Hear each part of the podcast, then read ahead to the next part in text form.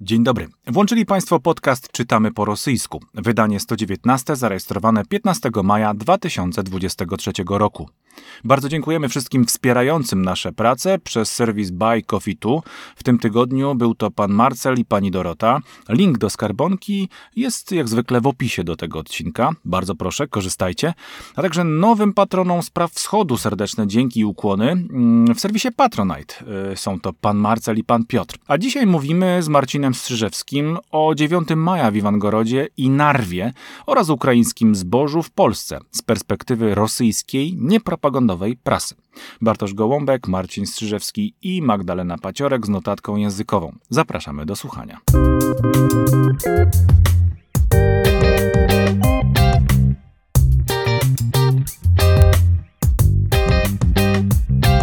Dzień dobry Państwu, witam Cię bardzo serdecznie Marcinie i za Tobą widzę również uroczą Szyszkę. Cześć. Tak, Szyszka jest obecna. Dzień dobry Państwu. Ukłony dla Państwa. E, zaczniemy dzisiaj od, e, od czego? No tak sobie pomyślałem, że od królewca jednak, ale bardzo krótko, nie chcę Państwu tym głowy za bardzo zawracać. Nie chcemy. W minionym tygodniu to w polskich mediach akurat e, wybrzmiało bardzo intensywnie, można byłoby rzec wybrzmiało zalecenie Komisji Standaryzacji Nazw Geograficznych poza granicami Polski. Otóż przypomnijmy, na 125. E, posiedzeniu w dniu, podkreślmy to 12 kwietnia akurat to posiedzenie miało miejsce, roku 2023, ta właśnie komisja uchwaliła, że dla miasta o rosyjskiej nazwie e, Kaliningrad zalecana jest wyłącznie polska nazwa Królewiec i niezalecane jest jej stosowanie w języku polskim, czyli tej e, rosyjskiej, a właściwie trzeba powiedzieć radzieckiej, Kaliningrad.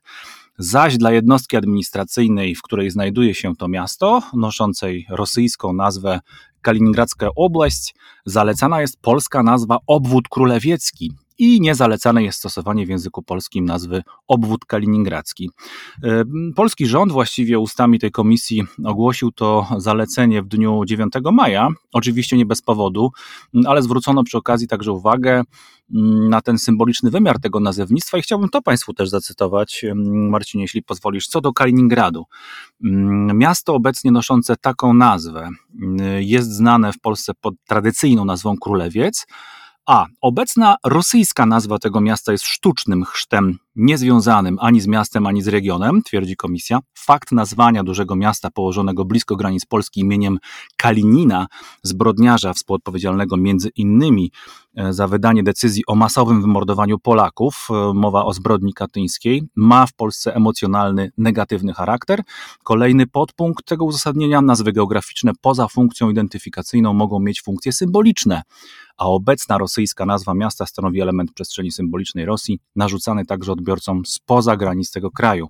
No i dalej, wydarzenia związane z rosyjskim napadem na Ukrainę akurat, narzucanie tak zwanego ruskiego miru, prowadzenie przez Rosję wojny informacyjnej każą inaczej spojrzeć na kwestie nazw narzuconych, budzących duże kontrowersje, nie spotykających się w Polsce z akceptacją. No i ostatnia rzecz, każde państwo ma prawo używania w swoim języku tradycyjnych nazw stanowiących jego dziedzictwo kulturowe, nie może być natomiast natomiast zmuszane do stosowania w swoim języku nazw przez nie nieakceptowanych. E, tu chcę dodać Państwu, że E, komisja e, zasugerowała, zasygnalizowała także zmianę czy też korekty w wielu nazwach białoruskich. No i pojawiły się także inne korekty, na przykład pojawiła się taka miejscowość jak Zwiachel, który się znalazł pod panowaniem Imperium Rosyjskiego po drugim rozbiorze Polski, a do pewnego momentu mm, nazywany był przecież mm, Nowogrodem Wołyńskim i kilka takich jeszcze dodatkowych elementów interesujących warto to śledzić, bo to i język, i kultura, i wszystko, co, co nas e, może, może interesować z punktu widzenia naszych tutaj posiedzeń rozmów. No a nazwy skasowane też tam się pojawiają. No, jest tego bardzo, bardzo dużo i e, w interesujący sposób to można mm, zawsze e, w pewnym świetle zobaczyć. Mnie się skojarzyła przy tej okazji taka scena z Misia, E, państwu być może znana e, i jeśli można było ją lekko e, przetransponować, można powiedzieć, że nie ma takiego miasta jak, jak królewiec, jest kralowiec w Czechach na przykład.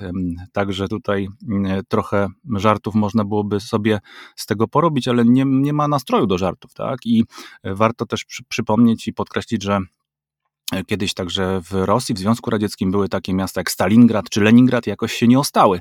Więc e, my także e, jako kraj, jako państwo zrezygnowaliśmy, przynajmniej symbolicznie, e, z Kaliningradu, co wzbudziło pewnego rodzaju oburzenie mm, w Federacji Rosyjskiej. I też dodam, ostatnia rzecz w tej sprawie jest także bardziej odległa lokalizacja, o którą się zatroszczyła ta komisja, o której mówię Państwu. To jest Park Narodowy Himalajów dla obszaru chronionego w Pakistanie. E, byliśmy przy 9 maja, zostańmy przy 9 maja. Pierwszy temat właśnie, który się mm, z nim wiąże, szukałem takich mm, informacji w rosyjskojęzycznej przestrzeni, która nada pewnego rodzaju e, takiej może nie tyle świeżości, co innego spojrzenia na to, jak to wszystko wyglądało. Mm, I faktycznie jest e, takie miejsce na rosyjskim rosyjsko-estońskim pograniczu i na rosyjskiej ziemi po części. Nazywa się ta miejscowość Iwangorod, a z drugiej strony mm, rzeki Narow, tak na tą rzekę e, mówią miejscowi, e, jest miejscowość Narwa estońska. No i drodzy Państwo, mm, Meduza opisuje bardzo ciekawą sytuację. Z okazji Dnia Zwycięstwa władze tej miejscowości pogranicznej, czyli Iwan Gorodu, w obwodzie leningradzkim, to przypomnijmy, że jest taki obwód leningradzki, mimo że Leningradu już dawno nie ma, zorganizowały koncert specjalnie dla mieszkańców Narwy w Estonii, to po drugiej stronie rzeki na wale rosyjskiego miasta właściwie, który był dobrze widoczny ze estońskiego brzegu, ustawiono ekran i scenę. Więc rano 9 maja władze estońskiej Narwy zareagowały, umieszczając e, na tej części swojej twierdzy baner z wizerunkiem zakrwawionego prezydenta Władimira Putina z napisem zbrodniarz wojenny. No i właśnie Meduza opisuje, jak to europejskie miasto, e, którego niemalże rzeczywiście wszyscy mieszkańcy mówią po rosyjsku, świętowało Dzień Zwycięstwa niejako w narzucony sposób przez swoich rosyjskich sąsiadów. Jest to dla mnie tym bardziej interesująca sytuacja, powiem Państwu mm, i Tobie Marcinie, że doskonale pamiętam to miejsce, bo miałem okazję w 2019 roku przekraczać granice między Europą a Rosją, tak to określmy, właśnie na tym słynnym moście nad rzeką Narow, a nawet w drodze powrotnej z Petersburga, kiedy zatrzymywaliśmy się na moment e, w Narwie estońskiej już, moje dzieciaki, zresztą ja także zmoczyliśmy sobie stopy w, w tej rzece sympatycznej. Po estońskiej stronie to ważne i to będzie też ważne w dalszej części tego, co chcę Państwu opowiedzieć, bo rzeczywiście Estończycy bardzo istotnie zadbali o swoje nabrzeże. Z rosyjskim nabrzeżem jest trochę trudniej. E, drodzy Państwo, odległość między Narwą a Iwangorodem wynosi zaledwie 100 metrów, jeśli liczyć wzdłuż najwęższego odcinka rzeki Narwy. No i łączy te dwie miejscowości most przyjaźni. Z brzegu Narwy dobrze widać scenę w Iwangorodzie, przygotowaną, do, dobrze było widać, przygotowaną na 9 maja właśnie. Udekorowana ta scena była rosyjską flagą, e, wzdłuż której brzegu tej rosyjskiej flagi oczywiście biegła olbrzymia wstęga świętego Jerzego, w zasadzie atrybutyka rosyjskiego Dnia Zwycięstwa E, w pełnej krasie. No i wszystkie e, te kwestie, które miały wzbudzać pewnego rodzaju, e, jakby to powiedzieć, sentyment, bo o tym tutaj mowa jest, po stronie estońskiej zostały tutaj zachowane. Na konferencji prasowej z dziennikarzami w połowie kwietnia mer miejscowości Iwangorod Wiktor Karpienko określił ten koncert jako prezent, drodzy Państwo, dla mieszkańców mm, i Iwangorodu i sąsiedniej Narwy. I decyzja, która została podjęta, w tej sprawie miała zapaść na szczeblu federalnym. Jeśli się tak mówi w Rosji, to być może faktycznie chodzi o to, że ktoś zadecydował o tym w samej Moskwie, drodzy Państwo, czyli dosyć daleko od Narwy i od Iwangorodu. No więc e, tak to się wszystko potoczyło. Od 10 E, ale ze względu na, właśnie, ze względu na to, że e, e, Estończycy mm, wywiesili duży baner z portretem prezydenta Rosji, z plamami krwi na jego twarzy i z napisem Putin War Criminal, czyli Putin zbrodniarz wojenny, no to doszło do pewnego rodzaju takich negocjacji, można byłoby rzec. Już o 10 rano delegacje obu krajów, drodzy Państwo, czyli estońskiego państwa i rosyjskiego, oczywiście chodzi o e, lokalne władze, spotkały się na moście przyjaźni, jak to dzisiaj brzmi niesamowicie zresztą, czyli między Estonią a Rosją. No i to spotkanie zostało zainicjowane przez stronę rosyjską, warto to podkreślić, która zażądała usunięcia tego plakatu. E, no a Estończycy odpowiedzieli, że plakat nie jest zakazany w Estonii przez lokalne prawo, więc nie ma powodu, żeby go zdejmować. Mm, I takie właśnie e, Taki komunikat przekazała policja estońska mm, na moście narewskim. Zatem nie było żadnego e, kompromisu w tej sprawie. Delegacje opuściły most, most e, a dźwięki z terytorium Federacji Rosyjskiej e, przemieszczały się, te koncertowe dźwięki z okazji Dnia Zwycięstwa, przemieszczały się bardzo daleko. Słychać było nie tylko na nabrzeżu, ale także na ulicach estońskiego miasta. W zasadzie Estończycy zostali, no jakby to powiedzieć, zmuszeni do wysłuchiwania tej playlisty zwycięstwa Federacji Rosyjskiej. E, więc e, były takie komunikaty, że no, w zasadzie to była, to była katorga dla wielu, aczkolwiek e, no, jeśli przyjmiemy rzeczywiście, że to było to działanie Rosji akurat było zdecydowanie inwazją w przestrzeń kulturową miasta estońskiego, no to jest naturalny proces, no to nie, nie jest jasne też to do końca, w jak wielu sercach estońskich, ale rosyjskiej, rosyjskojęzycznej diaspory, mówiąc precyzyjnie, rzeczywiście te dźwięki płynące z nabrzeża Iwangorodzkiego no, wzbudziły mm, pewnego rodzaju sentyment, y, jakiegoś rodzaju tęsknotę nawet y, w kierunku y, właśnie świętujących mm, Rosjan. Cała ta historia, to warto też podkreślić, być może i przypomnieć Państwu, że zaczęła się od czołgu E, a w zasadzie od demontażu pomnika, na którym stał czołg T-34 właśnie u, wlotu na jednej z alei arterii wlotowych do miejscowości Narwa. Ten czołg T-34 został postawiony na cokole przy wjeździe do miasta w roku 1970, e, dokładnie w 25. rocznicę Dnia Zwycięstwa i od tego czasu mieszkańcy Narwy mm, i nie tylko oczywiście składali pod nim kwiaty ku pamięci tych, którzy zginęli w II wojnie światowej. Jednakże z oczywistych względów Estończycy podjęli decyzję w sierpniu zeszłego roku, żeby go jednak usunąć z tego cokołu, z obietnicą jednakże przeniesienia go do Estońskiego Muzeum Wojny w miejscowości Wimzi, niedaleko estońskiej stolicy, czyli niedaleko Talina. Premier ówczesna Premier Estonii, e, Kaja Kallas, tłumaczyła wówczas demontaż tym, że pomniki stały się w Estonii no, źródłem napięcia i zdecydowano się je usunąć, by nie mogły prowokować jeszcze większej nienawiści w społeczeństwie i otwierać także e, starych ran. Mm, Ministerstwo Spraw Wewnętrznych zresztą także, przyglądałem się temu, zajęło bardzo czytelne i takie roztropne, jednoznaczne stanowisko, dokładnie 28 kwietnia w tej sprawie, e, ponieważ e, no, w tym miejscu jednak powstało coś, co nazwalibyśmy takim spontanicznym miejscem upamiętnienia. Mówię, przypominam Państwu to mm, o Estonii. Tak? To jest e, jednak ziemia estońska i tam na miejscu tego czołgu powstało coś, co nazwalibyśmy takim żywiołowym e, pomnikiem, coś w kształcie serca ułożonego z wazonów, świec. No i władze Estonii zablokowały możliwość podjechania tam samochodem do tego miejsca. Zatem wielu Estończyków rosyjskojęzycznych, no, związanych z 9 maja, jakoś i z świętowaniem, no, zaczęło tam podchodzić pieszo. Estońska policja jednak e, e, była tutaj dosyć jednoznacznie mm, nastawiona w tej sprawie.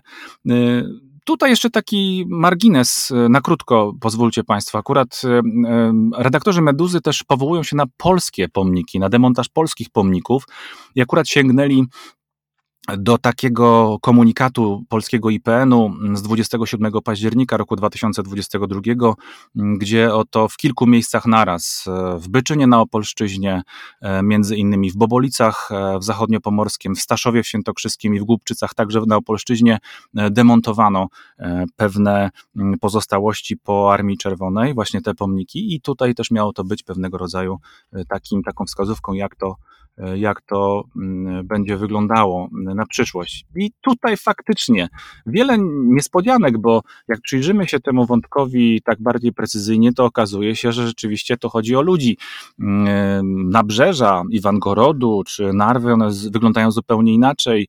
E, bardzo ciekawy reportaż też wyprodukował e, w ubiegłym roku Ilia Warłamow, mm, znany youtuber, eksplorator e, przestrzeni miejskich i nie tylko z Rosji, obecnie na emigracji. Był w Estonii, pokazywał nabrzeża z obu stron. To wygląda naprawdę imponująco, w sensie oczywiście intelektualnym imponująco, jak można było ładnie zagospodarować przestrzeń nabrzeża Narwy estońskiej, a jak z drugiej strony wygląda to nabrzeże, które także zostało, co warto podkreślić, dofinansowane środkami z Unii Europejskiej, no ale niestety nie udało się go jakoś tam podnieść tak, żeby było ładne i przyjazne po prostu mieszkańcom Iwangorodu.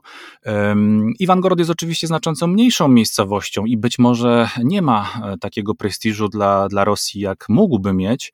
Jednakowoż e, no, faktem jest, że to Rosjanie patrzą na ładnie zagospodarowaną estońską mm, miejscowość e, z ładnymi, jak to mawiają, agańkami wieczorem, czyli takimi lampeczkami, światełkami z rozświetlonym nabrzeżem, a Estończycy patrzą na, łatwo to sprawdzić, mogą Państwo wyszperać, wygooglować na mówiąc bardzo miękko, niespecjalnie ładnie zagospodarowane nabrzeże. Zatem prezent z okazji Dnia Zwycięstwa, scena na nabrzeżu i przymusowe słuchanie e, przebojów e, Armii Czerwonej.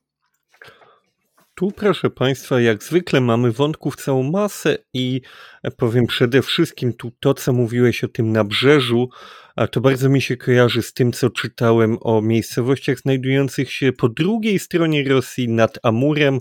E, tam jest podobna sytuacja, to znaczy ludzie mieszkający w różnych, nie zawsze szczególnie rozbudowanych, rozwiniętych i zmieniających się przez ostatnie dziesięciolecia miastach muszą muszą, chcą e, patrzeć na miasta chińskie po drugiej stronie tej samej rzeki, które z kolei przeżywały przez ostatnie dziesięciolecia szalony rozwój.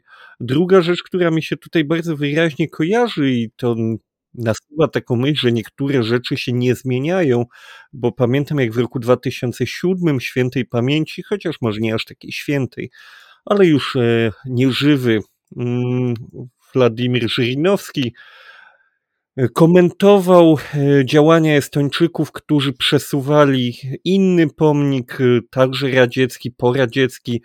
E, oni wtedy go, zdaje się, z centrum jednego ze swoich miast przenosili na cmentarz, jeśli dobrze pamiętam. I wtedy Żyrinowski stwierdził, że postawią 200-metrowy pomnik na granicy i będzie go widać z każdego jednego miejsca w Estonii, co oczywiście żartobliwie miało sugerować, że przecież Estonia jest taka mała. Tu jak widzimy tamte zapowiedzi skandalicznego polityka w jakimś stopniu się zrealizowały, to znaczy faktycznie no, próbowali tą Estonię przykryć swoim wpływem kulturowym, gdzieś z drugiej strony granicy. Oczywiście udało im się to w bardzo mm, ograniczonym stopniu, natomiast to, co się w międzyczasie zdążyło zmienić, to to, jak wygląda samo świętowanie 9 maja, proszę Państwa. Oczywiście tu wielu ludzi zwróciło uwagę na przykład y, na zmniejszoną bardzo wyraźnie liczbę pojazdów wojskowych na Placu Czerwonym, chociaż też podliczono, tu ekipa Conflict Intelligence Team podliczyła ogólnie na wszystkich paradach, we wszystkich rosyjskich miastach liczbę tych wojskowych pojazdów i tu faktycznie no jest y, dwa razy mniej, jeśli dobrze pamiętam, mniej więcej dwa razy mniej ich wystąpiło niż w zeszłym roku, ale na przykład poza Moskwą zdarzały się miejsca, gdzie czołgi, współczesne czołgi, proszę Państwa, były. Natomiast no, nie możemy nie zauważyć, że mimo tych różnych szczegółów, mm, obchody były zupełnie inne niż w ubiegłych latach i pomimo takiej mm, demonstracyjnej głośności, demonstracyjnego narzucania swojej, swojego święta sąsiadowi, to w zasadzie w tym roku Święto 9 maja było dość, byśmy powiedzieli, smutne. Ja już w jednym z odcinków o tym mówiłem, ale chętnie powtórzę, że faktycznie ciężko w rosyjskim internecie znaleźć jakiekolwiek świadectwa, że odbyłyby się na przykład te mm, tak zwane guliania, czyli spacery tłumne.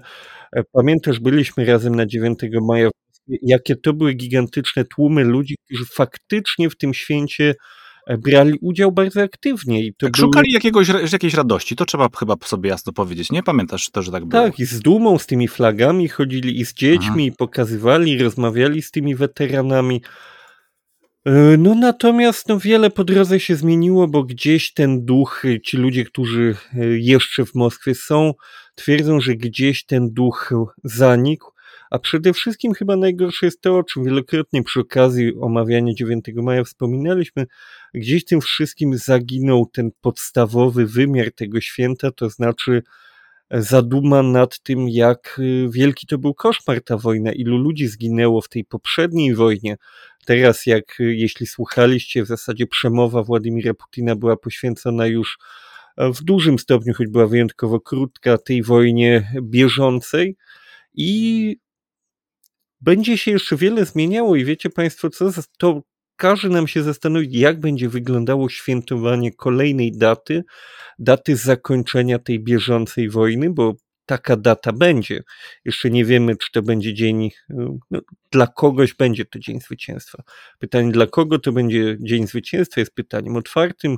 Mamy tutaj swoje typy, coś przewidujemy, no ale póki przyszłość nie nadeszła, to nie wiemy. I jak ten dzień będzie świętowany w Rosji, to jest myślę pytanie, które w tej chwili właśnie E, spędza tym świętującym mm, nawet nie tyle sens powiek, co chęć do świętowania. E, chęci do świętowania ich pozbawia, bo ludzie zdają sobie sprawę, że prędzej czy później to się skończy i ich kraj nigdy nie będzie już taki sam jak do tej pory. I to święto 9 maja także, proszę Państwa, podejrzewam, że może w przyszłości zupełnie inaczej wyglądać, bo skojarzenia z wojną na pewno będą zupełnie inne. No właśnie, to święto wydaje się mm, y, zaczęło gnić jeszcze wcześniej niż rok 2022. Mm, być może tego nie dostrzegaliśmy tak i y, ja myślę, że wielu z nas obserwujących Rosję mm, z oddali bardzo często bez większej świadomości, także często myślę, że dotyczy to nas wszystkich, bez względu na stopień i głębokość zanurzenia się w sprawy rosyjskie, czy też w kompetencje związane z obserwacją, z analizą tego, co tam się dzieje, e, no to niektóre pewnie obrazy mogły być pociągające, mogły być nawet jakoś tam e, podniecające, e, takie masowe wystąpienia, jakiegoś rodzaju poczucie siły, jedności, które czasami być może rzeczywiście ktoś mógł dostrzec podczas tych parad moskiewskich, ale nie tylko moskiewskich, bo to ważne. Warto zawsze to odznaczyć, że przecież nie dzieje się to wyłącznie w, w Moskwie. Moskwa jest stolicą, więc tam reflektor światła e, jest najsilniej e, skierowany e, na, na, te wydarzenia. No ale rzeczywiście poszukiwanie jedności w tym kraju okazało się mm, być w tym wymiarze jednak no, niespecjalnie efektywne, jak się okazuje, i masa nieszczęścia ludzkiego i masa trupów po obu stronach konfliktu, mm, który został wywołany w, w, esk w eskalacyjny sposób w zeszłym roku, no, przykryła już może możliwe wszystkie granice i naprawdę już jest sporo komentarzy ze świata e, kultury, takich oczywiście pewnie delikatnych. Zawsze ktoś może powiedzieć, że Rosjanie tutaj nie do końca mm, są e, zdeterminowani, jeśli chodzi o protest, chociaż niektórzy protestują. Tu akurat mm, można, e, chciałbym zareklamować rozmowę moją z Wadimem Mieścieriakowem, który mm, jest redaktorem takiej książki Nie dwaj nie. Oni, czyli Idel Reali, rozmawiali z 40 mieszkankami mieszkańcami Powołża, którzy samodzielnie, mimo że wiedzieli, jakie konsekwencje im grożą, występowali przeciwko tej wojnie. Wiadomo, to nie są gigantyczne liczby, ale jednak e, warto tych ludzi gdzieś tam dostrzec. E, nie bez powodu, drodzy Państwo, w pewnych momentach e, i w pewnym momencie historii pojawiły się takie mm, emblematyczne figury jak Sprawiedliwy e, wśród narodów świata i tak dalej, i tak dalej. Więc warto przynajmniej mieć to na uwadze. E, a co do świata kultury, moim zdaniem rzeczywiście jednym z takich najbardziej wyrazistych e, i dostępnych nam łatwo relatywnie komentarzy e, na temat Dnia Zwycięstwa, choćby nawet jest taka piosenka znana być może części, części Państwa, naszych słuchaczy zespołu znanego Short Paris razem z wykonaniem w wykonaniu razem z chórem weteranów imienia Kozłowa i pios, pieśń ta, pieśń ta w zasadzie, to ten, ten happening artystyczny, który mogą Państwo zobaczyć na YouTubie, nosi tytuł Jabłonny Sad. Polecam e, bardzo, bardzo serdecznie. I teraz, żeby już nie zostawać za bardzo być może w tej historycznej mm, nomenklaturze i w tym kontekście, mm, popatrzmy w przyszłość i czy Rosja w ogóle patrzy w przyszłość, e, drodzy Państwo, to pytanie mm, e, chyba może czasami być nazbyt optymistyczne e, dla dzisiejszego rosyjskiego państwa, ale jednak otóż okazuje się, czytam w rosyjskiej gazecie, że miejscowość Kazań, czyli stolica e, Tatarstanu, ma być gospodarzem, drodzy Państwo, takiego nowego pomysłu, który Federacja Rosyjska chce wprowadzić do światowej kultury sportowej, czyli takich igrzysk, które nazwane zostały cybersportowymi mm, igrzyskami przyszłości w roku 2024. To już przyszły rok, drodzy Państwo. Projekt ustawy o ich organizacji został złożony w Dumie Państwowej Federacji Rosyjskiej. Tak, ustawą chcą to zadekretować.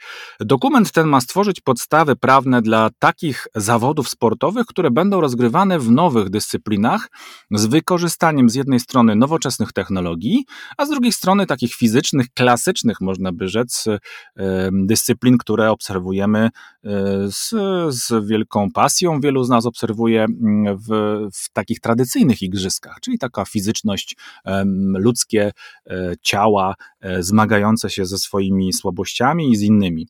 E, więc e, z jednej strony sporty fizyczne, a z drugiej strony komputerowe gry, więc najpierw zawodnicy mają rywalizować w cyberprzestrzeni, ci sami, a potem ci sami przechodzą do przestrzeni rzeczywistej, żeby biegać, skakać um, i wszystkie e, te funkcjonalności, które w sporcie są właściwe, realizować.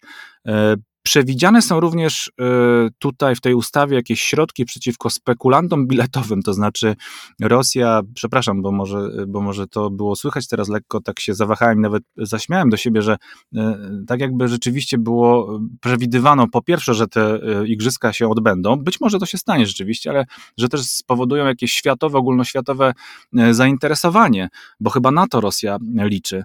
Więc spekulacje mają być zablokowane, jeśli chodzi o bilety, nie ulega wątpliwości, że jednak no, cyfrowe mm, e, e, e-sport, zresztą Marcin zaraz pewnie to e, lepiej objaśni nam wszystkim, mogłyby się cieszyć takimi, takim zainteresowaniem. Pytanie tylko, czy w Federacji Rosyjskiej. No więc oprócz regulacji zapewniających przygotowanie tych igrzysk w przyszłości, projekt ustawy zawiera zestaw przepisów mających na celu ogólne promowanie innowacyjnych sportów, w których Rosja jak mają nadzieję inicjatorzy tego pomysłu, będzie motorem rozwoju, drodzy Państwo.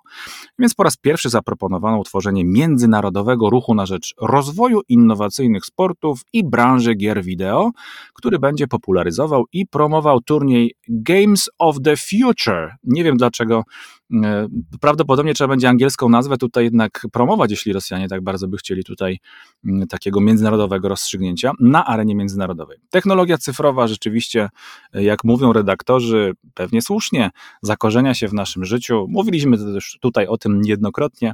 Świat sportu nie jest od niej wolny. E, już teraz nie sposób tego zauważyć, to jest jasne, ale wszystko to, wszystko to pachnie jakimś mega fejkiem. Nie wiem e, dlaczego, mam takie, Marcinie, wrażenie, że e, już tam e, coś nie do końca się udało w tym procesie budowania prestiżu Rosji w tych niezwykle dla samej Rosji trudnych czasach. I trochę zastanawiam się, dlaczego akurat eksponuje się tak bardzo ryzykowną drogą rozwój tego państwa. Z jednej strony technologie cyfrowe, o których wiemy i mówiliśmy tutaj niejednokrotnie, że wcale nie e, rokują na razie na jakiś wybitny rozkwit. To jest jedna strona medalu. Druga strona medalu, no sport rosyjski, który jest jednak po części przynajmniej, wiem, że nie przez wszystkich, ale e, jednak traktowany jako pewnego rodzaju no, konieczność, e, od której należałoby na chwilę przynajmniej odejść, na dłuższą chwilę nawet. E, mówiliśmy też o tym. Międzynarodowy Komitet Olimpijski wydał co prawda zalecenia, które troszeczkę się kłócą z moralnością etyką wielu z nas, ale mimo to gdzieś tutaj y, chyba Rosjanie próbują stworzyć alternatywną rzeczywistość i y, pytanie tylko, czy zabrali się od właściwej strony do tego, do tego projektu, czy nie lepiej najpierw skończyć fazę mm, morderczą istnienia swojego państwa, a później dopiero przejść do e, może jakiegoś rodzaju odbudowy i gdzieś na przyszłość realnie zaplanować może jakiegoś rodzaju rozwiązania, o których jest mowa w tej ustawie, albo raczej w projekcie tej ustawy. To znaczy, tutaj oczywiście to, co powiedziałeś, no tak, najpierw trzeba zakończyć jakiekolwiek mordowanie, bo to jest zupełnie tak, jakby e, Adolf Hitler stwierdził, że w Berlinie w 1944 zorganizuje giełdę filatelistyczną i będzie marzył o tym, że z całego świata ktoś tam przybędzie. No, proszę Państwa, to jest zupełnie niepoważne. Natomiast jeśli chodzi o sam e-sport i o takie rozgrywki sportowe w gry komputerowe, to tu jest jedna bardzo poważna przeszkoda, proszę Państwa, bo o ile na przykład taka e, piłka nożna czy koszykówka, proszę Państwa, oczywiście ma swoje związki, różnego rodzaju mm, organizacje, które to promują i które to organizują. O tyle generalnie rzecz biorąc, każdy może sobie wziąć piłkę i rzucać nią do kosza i przygotować sobie jakiś, e, jakieś, proszę Państwa, boisko i po prostu toczyć rozgrywki w taką grę. E, natomiast każda jedna dyscyplina esportowa to jest dyscyplina, która się rozgrywa w konkretnej grze, która jest konkretną własnością jakiejś firmy. I tutaj istnieją o wiele większe możliwości techniczne, żeby na przykład zablokować możliwość y, na przykład pobierania takiej gry na terenie Rosji, bo na przykład jeśli oni zdecydują, że będą chcieli rozgrywać to w popularnego w Rosji Counter-Strike'a na przykład wbrew e, niechęci do takiego do takiego ruchu firmy Valve, która jest właścicielem tej gry, praw do tej gry, jej kodu i tak dalej, no to firma Valve może po prostu zamknąć dostęp do swojej sieci dystrybucji w Rosji, do sklepu Steam. Oczywiście da się wtedy po prostu, e, mówiąc brzydko, ukraść, spiracić e, taką grę i rozgrywać to w taki sposób, natomiast trochę wątpliwe, żeby żeby to wyglądało poważnie. To no tak, czyli chcesz powiedzieć, że e, e, rozegrajmy ten mecz o wszystko kradzioną piłką, to byś chciał powiedzieć przez to. E, można tak to ująć, przy czym oczywiście tutaj piłkę, piłkę można wyprodukować, natomiast no, tego typu gry no, to już jest kwestia zgodności, kwestia wersji, kwestia aktualizacji, która jest no, większym problemem. To się technicznie da zrobić, natomiast smród będzie o wiele poważniejszy. A w takiej sytuacji, bo wyobraźmy sobie taką sytuację, Moskwa mówi, realizujemy właśnie powiedzmy rozgrywki w tę konkretną grę, o której wspomniałem, ona faktycznie jest w Rosji bardzo popularna, więc to by miało sens. I w odpowiedzi na taką zagrywkę rządu rosyjskiego e, firma Valve no, w odpowiedzi w ramach takiej sankcji wykonuje ruchy, które godzą we wszystkich rosyjskich graczy, którzy lubią tę grę, co no, sprawia, że cała ta historia zamiast cokolwiek w Rosji promować, e, to kończy się ogromnym problemem dla władzy, która po prostu zdenerwowała miliony graczy wewnątrz samej Rosji. Jest to kłopotliwe. No oczywiście można stworzyć sobie swoją grę, jak najbardziej, no kto zabroni, prawda? Albo można rozegrać turniej w jakąś chińską grę na przykład, która e, także ma określoną liczbę fanów na świecie, e, tylko że po pierwsze nie będą to tak popularne gry jak te e, często zachodnie, które są tymi topowymi, jeśli chodzi o e-sport.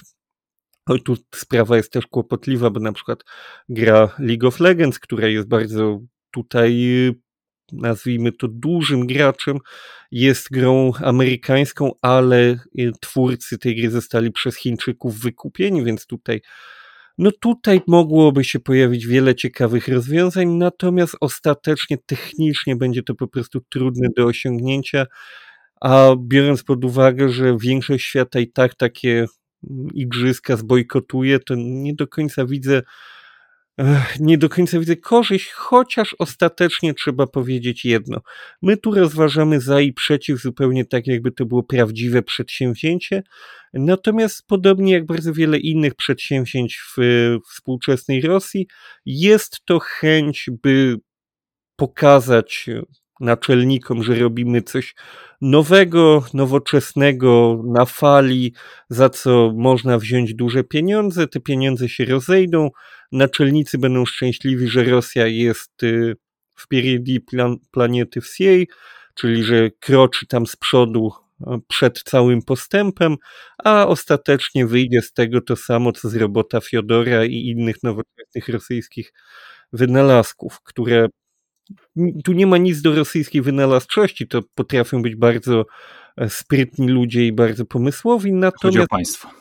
Tak, ten system nie promuje takich ludzi. Ci ludzie, którzy byli pomysłowi i mieli inicjatywę, to już dawno wyjechali.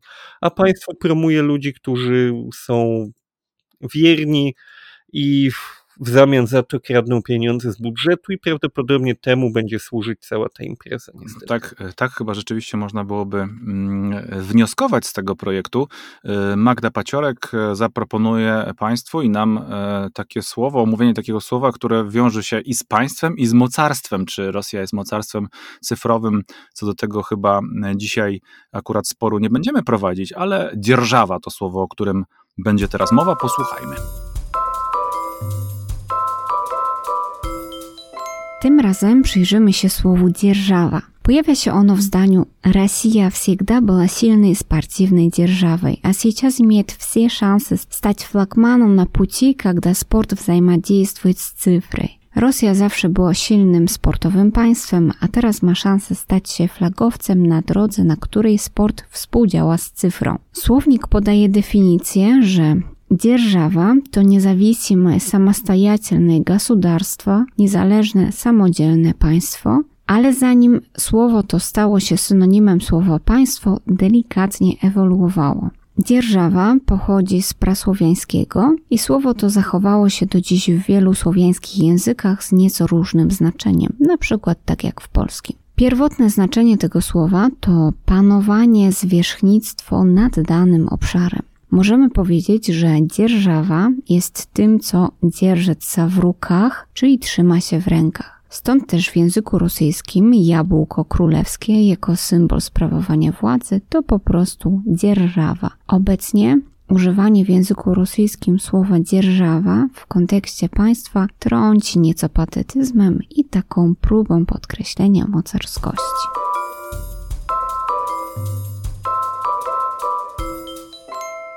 Marcinie, y, no to cóż, y, przechodzimy do kolejnych wątków. Y, czas najwyższy. Słuchajmy, jakie ciekawe teksty znalazłaś.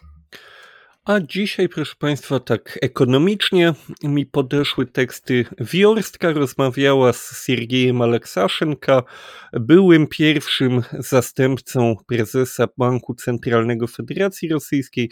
Zresztą on dość chętnie udziela się na YouTubie, czasem go słucham. To jest jeden z tych ekonomistów, którzy dość, byśmy powiedzieli, na spokojnie ocenia rosyjską sytuację gospodarczą, to znaczy konstatuje fakty, natomiast nie doszukuje się sensacji, co cenimy. I on tu się wypowiadał o takiej kwestii jak mobilizacja gospodarki.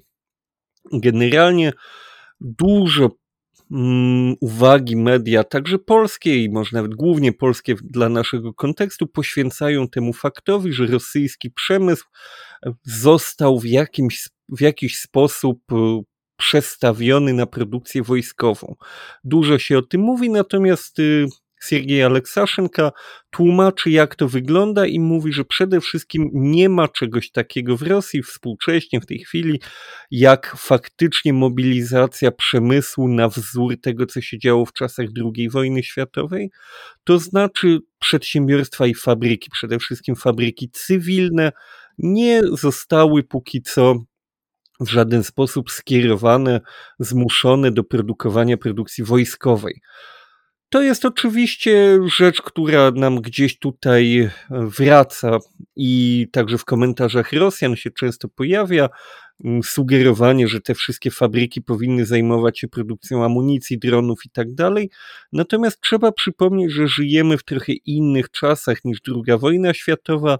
Wtedy na przykład broń palna, głównie pistolety maszynowe, w zasadzie każdy kraj biorący udział w II wojnie światowej posiadał przemysłową produkcję bardzo prostych, e, słabych jakościowo, ale łatwych do produkcji pistoletów maszynowych. Wielka Brytania miała swojego Stena, Amerykanie mieli swojego M3 Grisgun, Niemcy mieli coś, co przeszło do historii u nas jako Schmeiser, Rosjanie mieli pistolety PPSZ i PPS, to można było produkować w ogromnej liczbie zakładów, które zajmowały się wcześniej czymkolwiek w zasadzie innym, byleby miały jakieś podstawowe urządzenia do obróbki metali. Dzisiaj oczywiście można by uruchomić produkcję tego typu broni palnej. Pewnie dałoby się wykorzystać część y, zakładów przemysłowych do produkcji na przykład amunicji.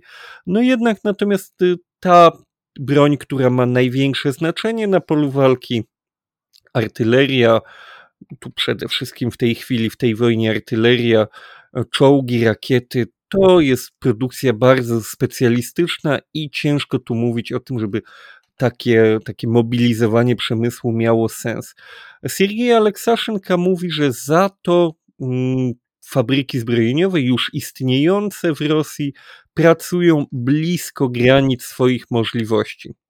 Ural Zawod, jedyny w zasadzie w tym zakład produkujący czołgi w Rosji, produkował przed wojną około 250 czołgów rocznie i według Sergieja Aleks Aleksaszynka to było jakieś 25% jego możliwości i teraz produkują trochę mniej niż 1000 takich czołgów w skali roku.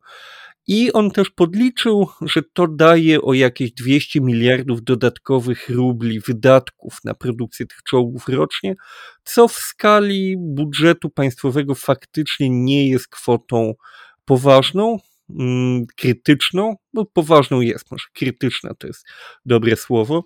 Ona nie odwróci całego budżetu, nie, nie wywróci, nie sprawi, że pojawią się jakieś deficyty, natomiast też zauważa, że to, co ogranicza produkcję, to jest w dużej mierze kwestia y, części zapasowych czy części do produkcji. Chociaż tutaj pojawia się inny wątek, odkryto niedawno sposób, w jaki Rosjanie skupowali różnego typu podzespoły, które były później wykorzystywane między innymi do produkcji uzbrojenia. Metoda była, proszę Państwa, banalna do tego stopnia, że aż e, człowiek się zastanawia, jak ktoś mógł do tego dopuścić. Po prostu firmy, które z Unii Europejskiej między innymi wysyłały towar do krajów znajdujących się geograficznie za Rosją w stosunku do właśnie Europy, na przykład do krajów Azji Środkowej, e, wysyłały ten towar tranzytem przez Rosję i za około miliard dolarów tego towaru podwójnego przeznaczenia nigdy nie dotarło do zadeklarowanego celu podróży. W zasadzie, mm, w zasadzie wypadałoby się zapytać, kto za to odpowiadał i zapytać, co grozi za tego typu niedopatrzenia. Natomiast tutaj też Sergiej Aleksaszenka zwraca uwagę na to, że pojawiają się zjawiska w rosyjskiej gospodarce, które mają dość duże, duże znaczenie dla całej gospodarki, ale jednocześnie są bardzo mocno związane z wojną. To znaczy, co nie jest y, wielkim zaskoczeniem, rosną bardzo wyraźnie te sektory gospodarki, przemysłu, które zajmują się produkcją wszystkiego tego, co jest potrzebne do prowadzenia wojny. Koks, produkty naftowe, optyka, leki, e, te leki wykorzystywane e, na polu walki, tego typu produkcja, proszę Państwa, w Rosji faktycznie rośnie.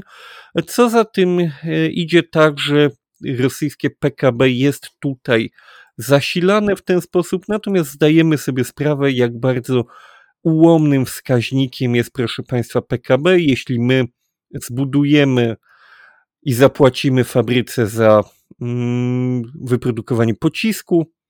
Jeśli ten pocisk wyleci i uderzy w blok mieszkalny, a potem e, zdobędziemy ten teren i będziemy ten blok mieszkalny odbudowywać i wydamy na to pieniądze, a później ten blok mieszkalny zostanie odbity przez armię ukraińską, to wszystko buduje PKB, zalicza się tam, natomiast rozumiemy, w żaden sposób nie wpływa na jakiś rozwój dobrobytu w danym kraju.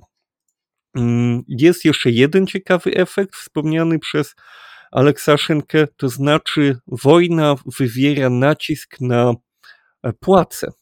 To znaczy w tej chwili mm, zarówno w wojsku bezpośrednio, jak i w zakładach przemysłowych, które realizują mm, zamówienia państwowe lub należą do państwa w dużej mierze, e, tam te wypłaty są dość wysokie, co wywiera nacisk na prywatny przemysł, na prywatne, w zasadzie wszystkie sektory gospodarki, które muszą zwiększać pensje, żeby zwyczajnie konkurować o pracownika, który może się zatrudnić w fabryce zbrojeniowej, może iść do armii i zarabiać lepiej. Jednocześnie oczywiście tutaj mamy efekt y, dużego deficytu rąk do pracy wynikający z tego, że część ludzi poszła na front, część ludzi zginęła na froncie, część ludzi z tego kraju uciekła przed mobilizacją, co doprowadziło do tego, że faktycznie liczba y, dostępnych rąk do pracy jest rekordowo w Rosji niska, najniższa od ponad 20 lat.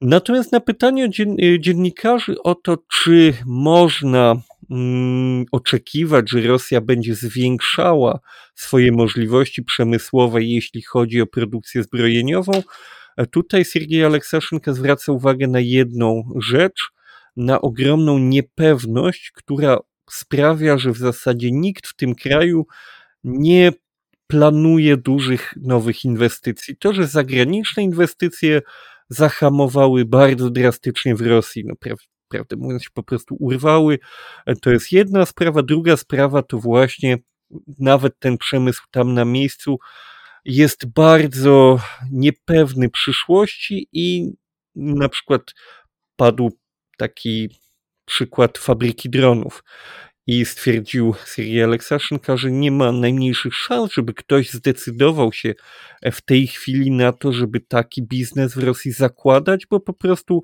nikt nie wie, ile ta wojna potrwa, czy państwo będzie miało pieniądze na to, żeby takie, mm, taką produkcję kupować y, w tym momencie, kiedy ta fabryka już zdąży powstać, bo to przecież będą długie miesiące produkcji, nie wiadomo, czy ta wojna będzie dalej trwała, czy kraj będzie wypłacalny i raczej stwierdza, że nie należy się spodziewać tego typu inwestycji w czasie trwania tej wojny. No właśnie, wszystko to już ma taką, ma nawet taką swoją tradycję, obserwowanie tego niestety e, jakiegoś, e, jakiejś podróży w niewiadomą z gospodarką rosyjską, ale ta niewiadoma coraz, coraz bardziej jest jednoznacznym kierunkiem. E, mimo to wiele mm, czasopism, wiele wydań, wielu, wiele redakcji sięga, próbuje szukać e, ekspertów, ludzi, którzy próbują jakiegoś świeżego poglądu, e, znaleźć jakiś świeży pogląd i przekazać go widzom i słuchaczom lub czytelnikom, tak jak pan Aleksaszenko. Mm, otworzyłem przy okazji Twoich tutaj dociekań e, w ramach tej, tej gospodarczej analizy e, e, Forbesa rating, który stosunkowo niedawno był opublikowany, czyli mamy wykaz najbardziej no, 110 rosyjskich miliarderów. To jest też bardzo ciekawe, jak e, bierze się pod uwagę mm, e, to, kim są ci rosyjscy, znaczy jak bardzo są rosyjscy. To jest e, też dobre pytanie. 19 mm, kwietnia to zostało opublikowane, taka data jest na stronie Forbesa, widnieje i tak dla porządku, żeby też nie mm, zajmować Państwa zbyt długo e, tych dziesięciu pierwszych e, przypomnę, bo niejednokrotnie Państwo mogli słyszeć także u nas w podcaście te nazwiska. Pierwsze miejsce zajmuje Andrzej Mielniczenko z rodziną, da, dalej na drugim miejscu jest Władimir Potanin, dalej na trzecim miejscu Władimir Lisin, e, na czwartym miejscu Leonid Michelson, na piątym Aleksiej Mordaszow z rodziną, na szóstym Wagit Alekpierow, na siódmym Gennady Timczenko, na ósmym Alisher Usmanow, na dziewiątym Michał Friedman i na dziesiątym, uwaga, Paweł Durow, założyciel Telegrama. Mm, no właśnie, przy Pawle Durowie, czy przy, choćby przy pierwszym miejscu, przy pierwszej pozycji, którą zajmuje dzisiaj Andrzej Mielniczenko i rodzina, to jest bardzo ciekawe, jak ta gospodarka rosyjska jest, y, sama się globalizuje niechętnie, a jednak faktycznie to tak troszeczkę może wyglądać. Przy, przyglądając się tej biografii e, urodzonego w Homelu mm, na Białorusi mm, biznesmena, e, do, do, dociec można, że on już od pewnego czasu nie mieszka w Federacji Rosyjskiej, e, że jego miejscem życia i e, jednocześnie zakładam także część jego biznesu nie jest również Federacja Rosyjska, mieszka bowiem w Zjednoczonych Emiratach Arabskich, więc można byłoby rzec, że w jakimś e, zakresie jest to biznesmen właśnie ze Zjednoczonych Emiratów Arabskich, ale cytat, który tutaj Forbes przywołuje jest bardzo interesujący, taki właśnie biznesowo próbuje być neutralny, na mm, Mielniczenkę e, są nałożone sankcje, ale niech Państwo posłuchają najpierw po rosyjsku. Будучи русским по национальности, белорусом по рождению и украинцем по крови, я испытываю огромную боль и смятение, видя, как сражаются и гибнут братские narody, miał powiedzieć pan Mielniczenko, czyli będąc rosyjskim, Rosjaninem, nie właściwie z obywatelem Rosji, o tak powiedzmy, Białorusem z urodzenia i Ukraińcem e, z krwi, tak tutaj jeszcze dodatkowo pan Milniczenko mówi, odczuwam wielki ból, kiedy mm, patrzę, jak e, walczą ze sobą i jak on to tutaj ładnie ujął, giną, e, nikną braterskie narody. No zaraz, zaraz, no nie same z siebie, tylko ktoś to wszystko niestety rozkręcił. E, dla mnie to będzie bardzo interesujące, Marcinie, oprócz tych wszystkich faktów, o których słusznie mówisz, warto do nich cały czas wracać, sprawdzać, jak to będzie wyglądało. Jak ten biznes mm, powróci y, do business as usual najprawdopodobniej, no bo pieniądze y, nie, nie są chyba tutaj w żaden sposób włączone w ten potok ideologiczny, czy też w tą morderczą machinę, aczkolwiek no, są bezpośrednio. Mieliśmy przecież przykłady niejednej wojny na świecie, w której później wyciągano jednak wnioski, pewnego rodzaju optyka e, skierowana była również e, taka optyka no, rewizji, tak bym przynajmniej powiedział, delikatnie na razie przynajmniej, mm, wobec tych, którzy finansowali tą wojnę. No przecież wśród tych ludzi, e, także o tych, których ja teraz po części powiedziałem, ale wśród tego biznesu, o którym mowa jest, że też podtrzymuje ten, ten wojenny aparat, gdzieś tam cały czas są chyba ci, którzy próbują z tego jednocześnie cały czas niestety korzystać. No tu niestety trzeba zadać by sobie ten trud, żeby przeprowadzić w Rosji bardzo głęboką lustrację ludzi związanych z reżimem, z władzą rosyjską i prawdę mówiąc nie wyobrażam sobie lepszej metody niż po prostu wyciągnięcie wobec nich realnych konsekwencji. Oczywiście tu trzeba by opracować jakiś rodzaj metodologii, jakiś rodzaj sprawiedliwych kar, bo proszę Państwa, wsadzenie do więzień paru milionów ludzi, którzy ten reżim w taki lub inny sposób wspierało, jest zwyczajnie nierealne, ale w przypadku właśnie na przykład biznesmenów, ludzi majętnych, można próbować wykorzystać ich talenty, ich majątki y, do odbudowy kraju, który reżim, który w tym w mniejszym lub większym stopniu pomagali budować, y, niszczył. Także, ale to jest zadanie, proszę Państwa, no, dla całego pokolenia i na najbliższe 15 lat od zakończenia wojny, myślę, to są jakieś realne horyzonty czasowe, kiedy będzie można mówić o tym, że gdzieś się uporaliśmy z konsekwencjami tego, co się w tej chwili dzieje. Mm, choć y, ostatnią kwestię, no najpierw trzeba uwierzyć w to chyba, że to jest w ogóle możliwe, żeby to rozpocząć. No, myślę, że trzeba mieć wiarę, bo bez tego to możemy się położyć pod drzewem i poczekać, aż się wszystko skończy, ale rozumiem, co masz na myśli. To jest proces, który jest szalenie trudny i trzeba pamiętać, że no Rosja jest jednak dużym państwem z potencjałem jakimś, potencjałem jądrowym, więc zmuszenie jej do mm, tego typu działań, właśnie lustracyjnych, będzie przede wszystkim wymagało daleko idącej współpracy ze strony samych Rosjan, a przynajmniej części Rosjan. Hmm, nie da się chyba ukryć, że to tak powinno byłoby wyglądać. Zobaczymy. Przejdźmy w takim razie do drugiego tematu. Tutaj, proszę Państwa, to jest temat w zasadzie bardziej ukraińsko-europejski, z dużym naciskiem na Polskę w tej Europie. Natomiast y, pisze o tym Nowa Gazeta Europa, czyli Nowa Gazeta Europa, bardzo takie lubiane przez nas wydanie w nowym emigracyjnym wariancie, a piszą o wydarzeniach związanych z ukraińskim zbożem w dużej mierze w Polsce. I to jest tak w ogóle dobre podsumowanie tego, co się wydarzyło. To z jednej strony, natomiast z drugiej strony jest to swojego rodzaju zwierciadło, w którym możemy zobaczyć, jak nasze polskie problemy odbijają się także w tej prasie rosyjskiej opozycyjnej. Tu warto podkreślić, tu nie mamy do czynienia z prasą antyzachodnią, a prokremlowską.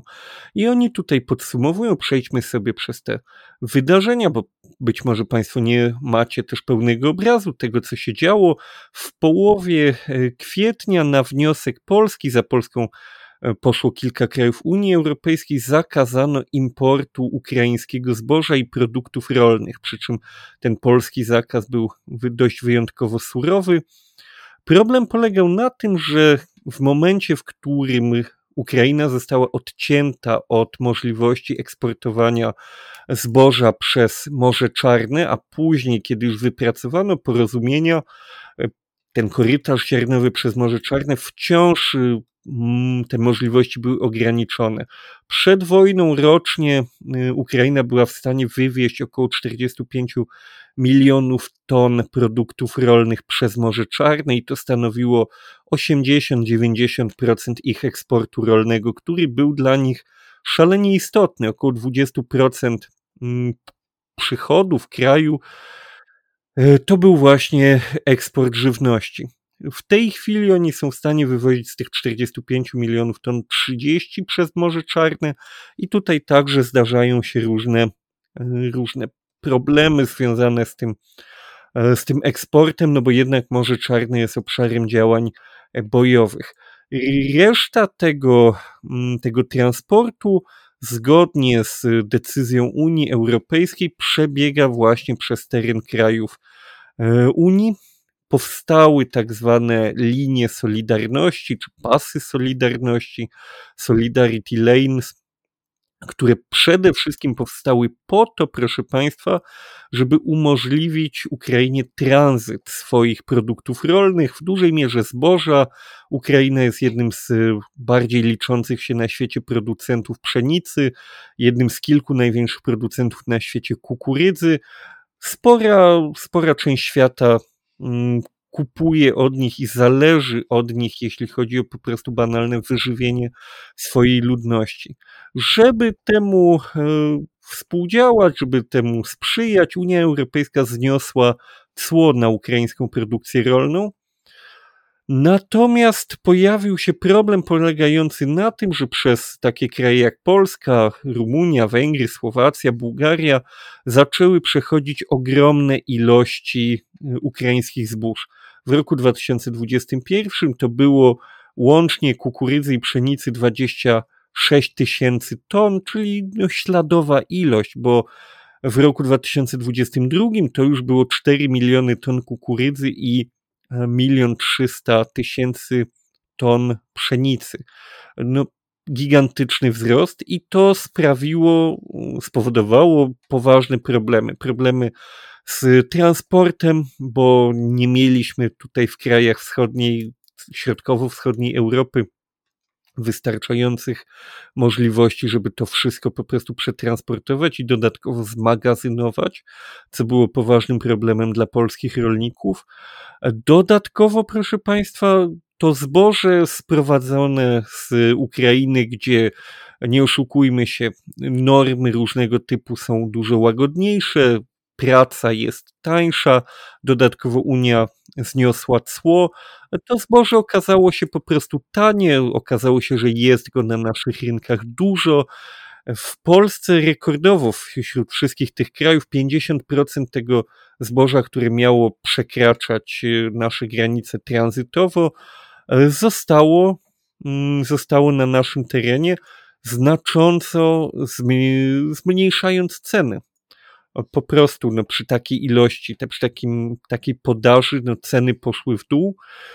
E, Polska i nasi sąsiedzi poprosiliśmy Komisję Europejską o środki na rozwój infrastruktury. Polska dostała najwięcej, ale dość skromne 29,5 miliona euro. To nie są jakieś poważne kwoty, jeśli chodzi o duże inwestycje. I dlatego e, z tych wszystkich powodów w połowie kwietnia Polska zakazała transportu zboża, warzyw, mleka, jajek ukraińskich na, e, żeby nie przekraczały naszych granic. Tu się oczywiście wywiązał spór, bo Bruksela uznała, że to jest e, ich kompetencja, żeby decydować o takich sprawach, ale rozpoczęły się rozmowy z Polską, Węgrami innymi krajami wprowadzającymi podobne e, decyzje, które spotykały się z podobnymi problemami. I w tej chwili, proszę Państwa, po pierwsze, 9 e, maja Parlament Europejski przegłosował przedłużenie bezcłowego wwozu ukraińskiej produkcji rolnej do Unii Europejskiej na rok. Natomiast podtrzymano także jeszcze zakaz importu kukurydzy, pszenicy, oleju słonecznikowego i e, rzepaku e, do Polski. Zdecydowano się wesprzeć e, Polskę także kolejnymi 100, 100 milionami euro różnych dotacji w związku z zaistniałą sytuacją. Natomiast i tu zaczyna się jeszcze mm, taki, taka faza, nazwijmy to, komentarza ze strony Nowej Gazety. E, Nowa Gazeta Europa zwraca uwagę na to, że największy problem był w Polsce i na Węgrzech, dlatego że obie partie rządzące w obu tych krajach, e, Fidesz w Węgrzech i Prawo i Sprawiedliwość w Polsce, są mm, partiami, które opierają się przede wszystkim na elektoracie e, wiejskim, rolniczym, w związku z tym, co prawdopodobnie według nich może doprowadzić do tego, że kiedy zaczną się kolejne zbiory i ten problem wróci, to Polska i Węgry znowu będą podnosiły na arenie międzynarodowej ten, e, ten problem. Znowu mogą zakazać wwozu ukraińskich produktów rolnych na swój teren, bo będą w ten sposób walczyły o wyborców. E, tak, proszę Państwa, jesteśmy postrzegani przez no, przez tą, nazwijmy to, liberalną część rosyjskiego, rosyjskich mediów. Tutaj no, nie da się ukryć, że można w ten sposób to interpretować, choć z drugiej strony e, argumentacja akurat w tym przypadku, choć nie jestem fanem, argumentacja polskiej partii rządzącej, że musi przede wszystkim kierować się dobrem swoich obywateli, swoich producentów rolnych, jest y, argumentem, którego zasadność jesteśmy w stanie zaakceptować. Z drugiej strony musimy pamiętać, że jest y, pewna gradacja priorytetów i tutaj bezpieczeństwo ja bym postawił na pierwszym miejscu, bo co nam po obronie praw naszych rolników, jeśli dojdzie do geopolitycznych przesunięć, które sprawią, że nasz kraj będzie zwyczajnie E, zagrożony egzystencjonalnie przez sąsiada, który na przykład wygra wojnę z Ukrainą i będzie nam zagrażał w stopniu znacznie wyższym niż do tej pory. I będzie to na nas wymuszało banalne zbrojenia, które kosztują ogromne pieniądze. To są wymierne kwestie. Więc czy nam się przypadkiem z drugiej strony nie opłaca schować tego typu sporów e, politycznych w gruncie rzeczy do kieszeni, to jest pytanie otwarte, natomiast y, warto pamiętać, że na tle tego konfliktu mm, zbrojnego mają miejsce także e, całe masy konfliktów politycznych w poszczególnych krajach, co jeszcze raz dodatkowo nam przypomina, że to, co strona rosyjska lubi powtarzać, że istnieje jakiś kolektywny Zachód, który realizuje lubią te wersje. Realizuje e, wolę Stanów Zjednoczonych i nie ma nic do gadania, to czasem wręcz można powiedzieć, że można pożałować, że nie jesteśmy aż tak zjednoczeni, jak rosyjska propaganda próbuje nam wmówić. Hmm. No właśnie tak to rzeczywiście wygląda. Powiedziałeś zupełnie ciekawie, że mm, to taka część liberalna prasy rosyjskiej na to patrzy. No na pewno powiedziałbym, że antyreżimowa to tak y, i y, wartości y, wyciągają, czy też wnioski wyciągają dosyć trafne. Oczywiście oni także czerpią na pewno z naszej prasy, z naszych doniesień, mm, no bo skądże inaczej. Można by powiedzieć zatem, że Nowa Europa czyta po polsku tak jak my czytamy po rosyjsku, to na pewno. E, I dziękujemy Wam za to, drodzy redaktorzy. E, dobrze, niech e, Wasi czytelnicy też wiedzą, jak wygląda ten świat zachodu, jak jest skomplikowany. I tu też prawda, Marcinie, co powiedziałeś, że E, trawestując takie słynne powiedzonko, e, lepiej dać e, piekarzowi niż lekarzowi, to ja bym powiedział lepiej dać piekarzowi niż zbrojarzowi, wiesz, bo faktycznie tak to troszeczkę wygląda z tej perspektywy naszej, jeśli, jeśli byśmy żyli w świecie idealnym, chętnie byśmy się tą, tą kwestią tutaj w ten sposób zajęli, ale niestety wojna, zagrożenia, latające niezidentyfikowane obiekty nad Polską i tak dalej, i tak dalej, to jest, to jest już dzisiaj nasz właśnie chleb powszedni chciałoby się rzec niestety, e, trochę trzymając się tego wątku rolniczego. A w ogóle to chcę Ci powiedzieć, że dzięki wielkie za wyciągnięcie tego tematu. Ja jakiś czas temu e, z siłą rzeczy zainteresowałem się też tym, e, nazwijmy to, problemem zbożowym. No i wszystko byłoby dobrze, gdyby rzeczywiście też polskie państwo w obliczu oczywiście partii rządzącej, czy E, grup rządzących e, krajem różnych, także o sprzecznych interesach bardzo często, to jest jasne, e, no nie podłożyły sobie, albo raczej rolnikom polskim trochę też nogi w tej całej sprawie i wiesz, kiedy doszedłem do wniosku, że trzeba to bardziej sprawdzić, to się tak nałożyło na, na to, jak mijałem kiedyś przejeżdżając samochodem, mijając taki konwój właśnie, który w dosyć absurdalny sposób to wyglądało, muszę Państwu powiedzieć i Tobie Marcinie, być może mijaliście takie konwoje właśnie zbożowe, tak bym go określił, kiedy to policja i straż graniczna, pojazdy policji i straży granicznej e, prowadzą, czy też jadą przed i za taką naczepą, e, w zasadzie zestawem, mm, cysterną e, zbożową. Rozumiem, że to już było oczywiście po tej decyzji słynnej rządu polskiego, że mm, nie należy już tutaj ani grama więcej e, zboża w Polsce ukraińskiego e, przetrzymywać i wpuścić do, do naszego kraju. Przypomnijmy, że to też nie bez, nie bez znaczenia były e, ruchy polityczne, dymisja wicepremiera i ministra rolnictwa, niespecjalnie pewnie dająca coś merytorycznie, ale jednak takie rzeczy się tutaj potoczyły i także na to zwracają redaktorzy Nowej Europy. A ja chcę Państwu polecić bardzo serdecznie, jeśli się tym zainteresowaliście wątkiem, a nie mieliście do tej pory być może czasu tak głębiej na to popatrzeć. Doskonały moim zdaniem, jeden z lepszych odcinków ostatnio. E, serdecznie pozdrawiam koleżanki, kolegów e, i ekspertów z podcastu Polityki Insight e, z wypiekami na twarzy 44 minut. 44 minuty wysłuchałem któregoś pięknego dnia takiego podcastu, którego tytuł nosi tytuł Rząd rząd buszuje w zbożu, e, właśnie o tych kwestiach związanych z mm, e, problemem który y, pojawił się z mm, tranzytem i importem żywności z Ukrainy.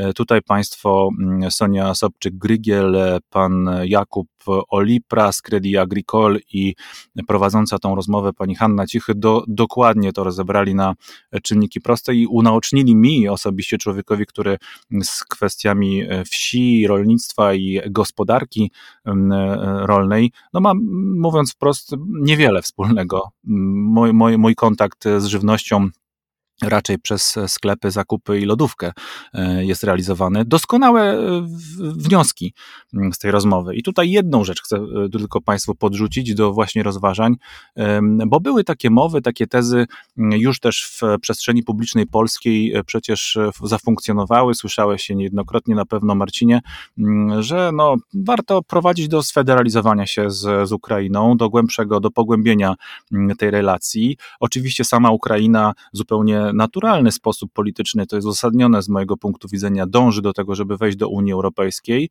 No i no właśnie, no właśnie, i to jest pytanie, które warto sobie teraz postawić, jak my z całą otwartością patrząc na tą sprawę, mm, e, chcemy E, faktycznie e, tego sojuszu, jak chcemy go skonsumować, choćby patrząc na branżę, o której teraz mówiliśmy. Tutaj jest naprawdę wiele niespodzianek nas czeka i e, polskie rolnictwo zwłaszcza. Wysłuchałem naprawdę ciekawych tez. Bez wielu rzeczy z Ukrainy już w zasadzie nasze rolnictwo także nie potrafi się obyć. To też jest taka prawda.